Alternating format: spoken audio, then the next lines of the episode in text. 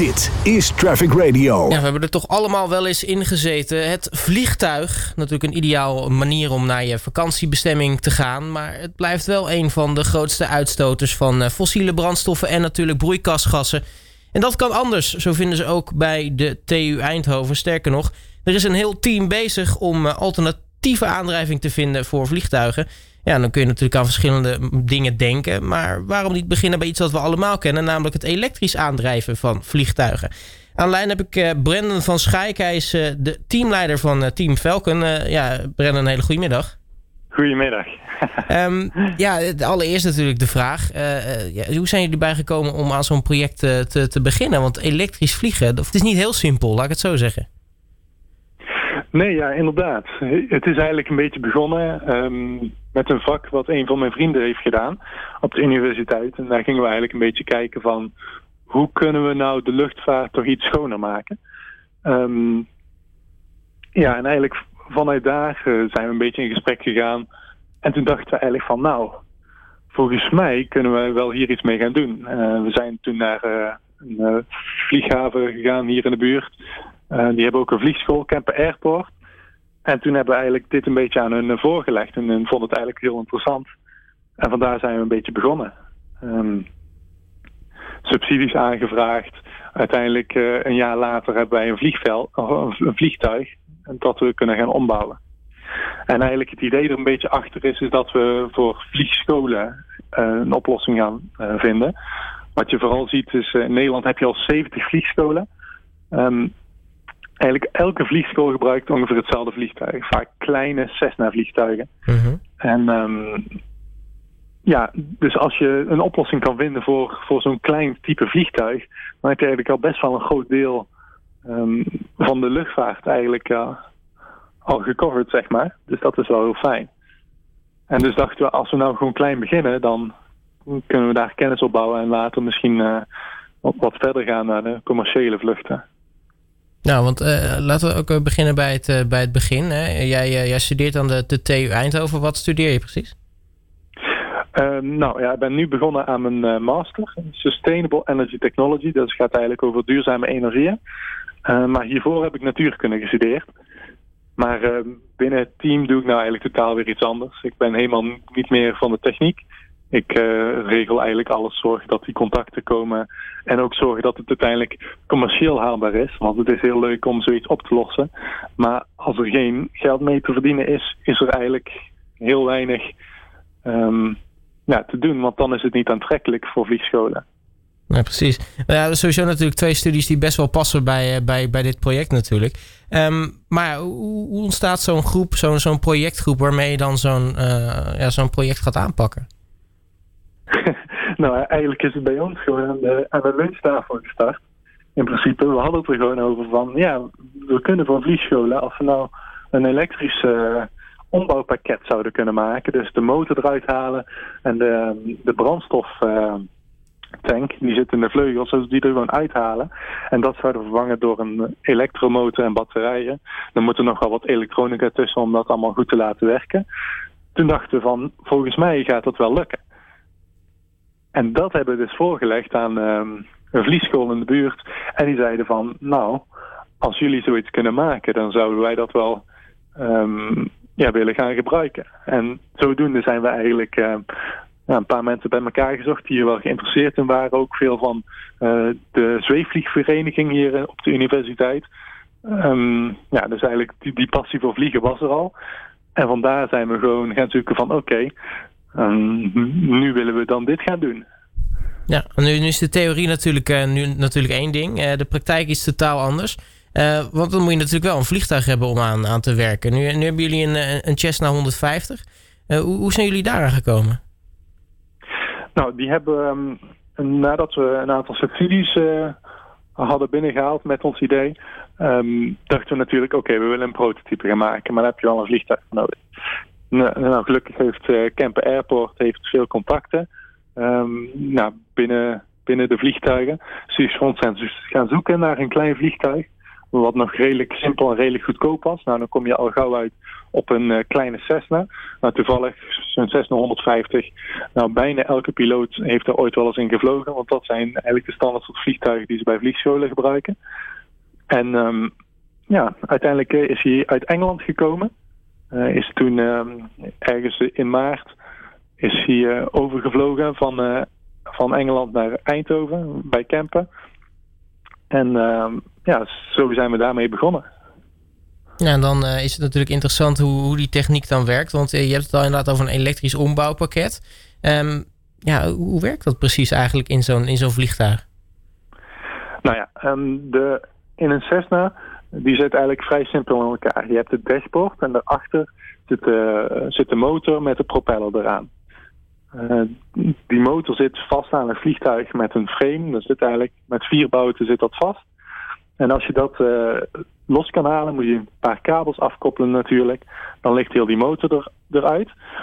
Maar wij dachten van oké, als we nou iets maken wat op die vier bouten past die er al in zitten, met een elektromotor en een inverter, zo heet dat, om van de batterijen, die geven gelijkstroom, naar de wisselstroom te gaan van de motor.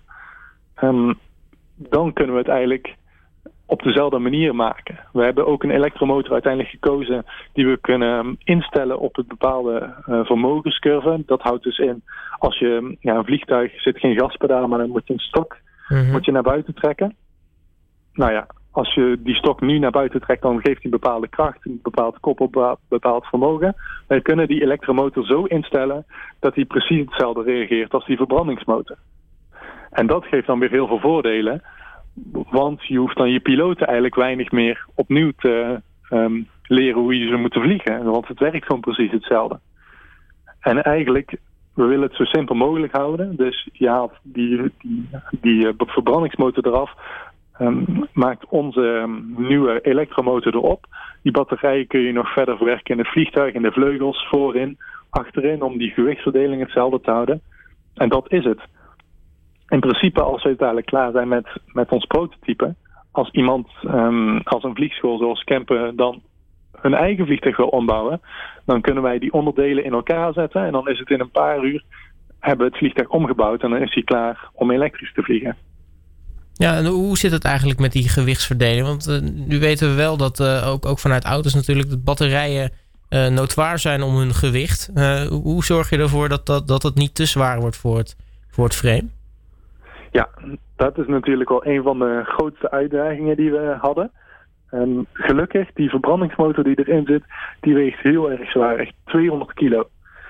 Hetzelfde, om, om een elektromotor te hebben met hetzelfde vermogen en hetzelfde koppel, die weegt 12 kilo. Dus dat scheelt dan meteen Zo. misschien een hele hoop, uh, een hele hoop massa. Ja. En eigenlijk omdat je die, dat gewicht eruit haalt, kun je dat allemaal gebruiken voor batterijen. Uiteindelijk zit er nu ongeveer 150 kilo batterijen in. En um, nog 40 kilo aan elektronica die we ook allemaal nodig hebben om het allemaal goed te laten werken. En um, natuurlijk zitten in de, um, in de vleugels zitten ook nog brandstoftanks, die kun je er ook weer uithalen. Het scheelt ook weer 80 kilo, want je hoeft ook geen, geen kerosine meer mee te nemen. -hmm. Dat zit allemaal in die batterijen. En dan is het gewoon nog maar een kwestie van oké, okay, het gewicht blijft hetzelfde. Nu willen we het gewoon nog op de goede manier uitlijnen. Want in een vliegtuig is dat heel belangrijk. Als het gewicht te ver naar voren zit, dan, dan duik je naar beneden. Als het te ver naar achter zit, wordt hij heel onstabiel. Dus eigenlijk wil je precies het, uh, middelpunt, van het middelpunt van zwaartekracht mooi onder die vleugel hebben. En daarom moeten we een beetje spelen met de positie van die batterijen om dat goed uit te lijnen. Ja, nu uh, als we kijken naar het verdere tijdsbestek, want uh, hoe ver zijn jullie nu met het project, zeg maar, ten opzichte van dat, heeft hij al daadwerkelijk gevlogen? Of, of is dat nu misschien een van de eerste dingen die op het programma staat? Nou, hij heeft nog nooit gevlogen. Uh, de elektrische variant, het vliegtuig wat we gekocht hebben, natuurlijk wel.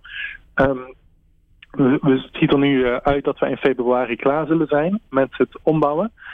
Nou, dan, dan is het vliegtuig daar, dan kan die ook rijden, dan kan die in principe vliegen. Alleen, dat mogen we nog niet, want er zitten natuurlijk hele strenge eisen aan luchtvaart. Mm -hmm. En um, omdat dit nog zo nieuw is, heb je iets speciaals nodig. Noem je een experimentele certificaat om daarmee te mogen vliegen. En dat is heel lastig aan te komen. Daar gaat heel veel tijd overheen, heel veel geld overheen. Daar heb je echt om dat goed te, goed te kunnen krijgen moet je echt in contact zijn met de, de grote bedrijven zoals uh, Boeing of Airbus. Of samenwerken met een universiteit die daar goed in is. Dus daar zijn we ook mee bezig om dat samen met de universiteit te regelen. Maar dat gaat nog even duren. Dus dat zal ongeveer een half jaar na, nadat we het vliegtuig af hebben, dat hij ook echt daadwerkelijk de lucht in mag. Maar in februari uh, is hij klaar. Dan kunnen we hem ook al op de landingsbaan zetten. Naar, eigenlijk uh, opstijgsnelheid brengen. Dan eigenlijk niet de lucht in gaat. Dat is dan verboden. En dan kunnen we weer afremmen. En zo willen we laten zien dat het ook gewoon echt mogelijk is. Nou, dat wordt in ieder geval heel erg, eh, heel erg spannend. Dus in ieder geval februari gaat hij klaar zijn. Nou, pak hem met een half jaar later. Dus zeg over een jaar van nu dan gaat hij uh, misschien wel zijn eerste, eerste meters in de lucht maken. Uh, hoe, hoe ziet voor jullie verder de toekomst eruit? Want uh, nou ja, natuurlijk als dit succesvol is, dan, dan brengen jullie wel natuurlijk iets, iets teweeg in de, in, de, in de luchtvaartwereld. Ja, zeker. Um, we zijn eigenlijk nog, nog uniek in, um, in het ombouwen van, van vliegtuigen, vooral voor vliegscholen. Dan zijn we echt de enige in de wereld in die daaraan aan werken. Natuurlijk zitten er nog wel wat, wat limitaties aan. Uh, je kan niet echt heel ver vliegen met een, uh, een batterijen. Nooit zo ver als met een uh, verbrandingsmotor met kerosine erin. Maar er zijn wel, zijn wel oplossingen voor. Daar zouden we graag aan willen werken. Een van die oplossingen is waterstof gebruiken. Dan gebruik je eigenlijk waterstof. En dat zet je dan daarna weer om naar elektriciteit. Dan heb je helemaal geen CO2-uitstoot, helemaal geen stikstofuitstoot. Dus dat is perfect voor alle problemen die we nu vooral hebben. En dan kun je veel verder vliegen. Zelfs ooit nog verder dan dat het vliegtuig origineel kan vliegen. Maar dit werkt eigenlijk alleen maar met iets grotere vliegtuigen. Dus denk dan aan 10, 20 passagiervliegtuigen. En dat is graag wat we zouden doen nadat dit prototype af is. Nou, in ieder geval dus, uh, dus een stapje groter weer. Uh, het is in ieder geval een heel erg ja. interessant uh, project. waar, waar kunnen de mensen jullie op volgen? Nou, we hebben een website, Falcon EA voor electricaviation.nl. En dezelfde naam op eigenlijk elke social media. Instagram, Twitter, Facebook, LinkedIn. Daar kunnen jullie ons op vinden. Zeker een, zeker een aanrader om te doen. Uh, Brendan van Schrijk, teamleider van uh, Team Falcon. Uh, mag ik je hartelijk danken voor je tijd. En natuurlijk heel erg veel succes. Yes, dankjewel. Dit is Traffic Radio.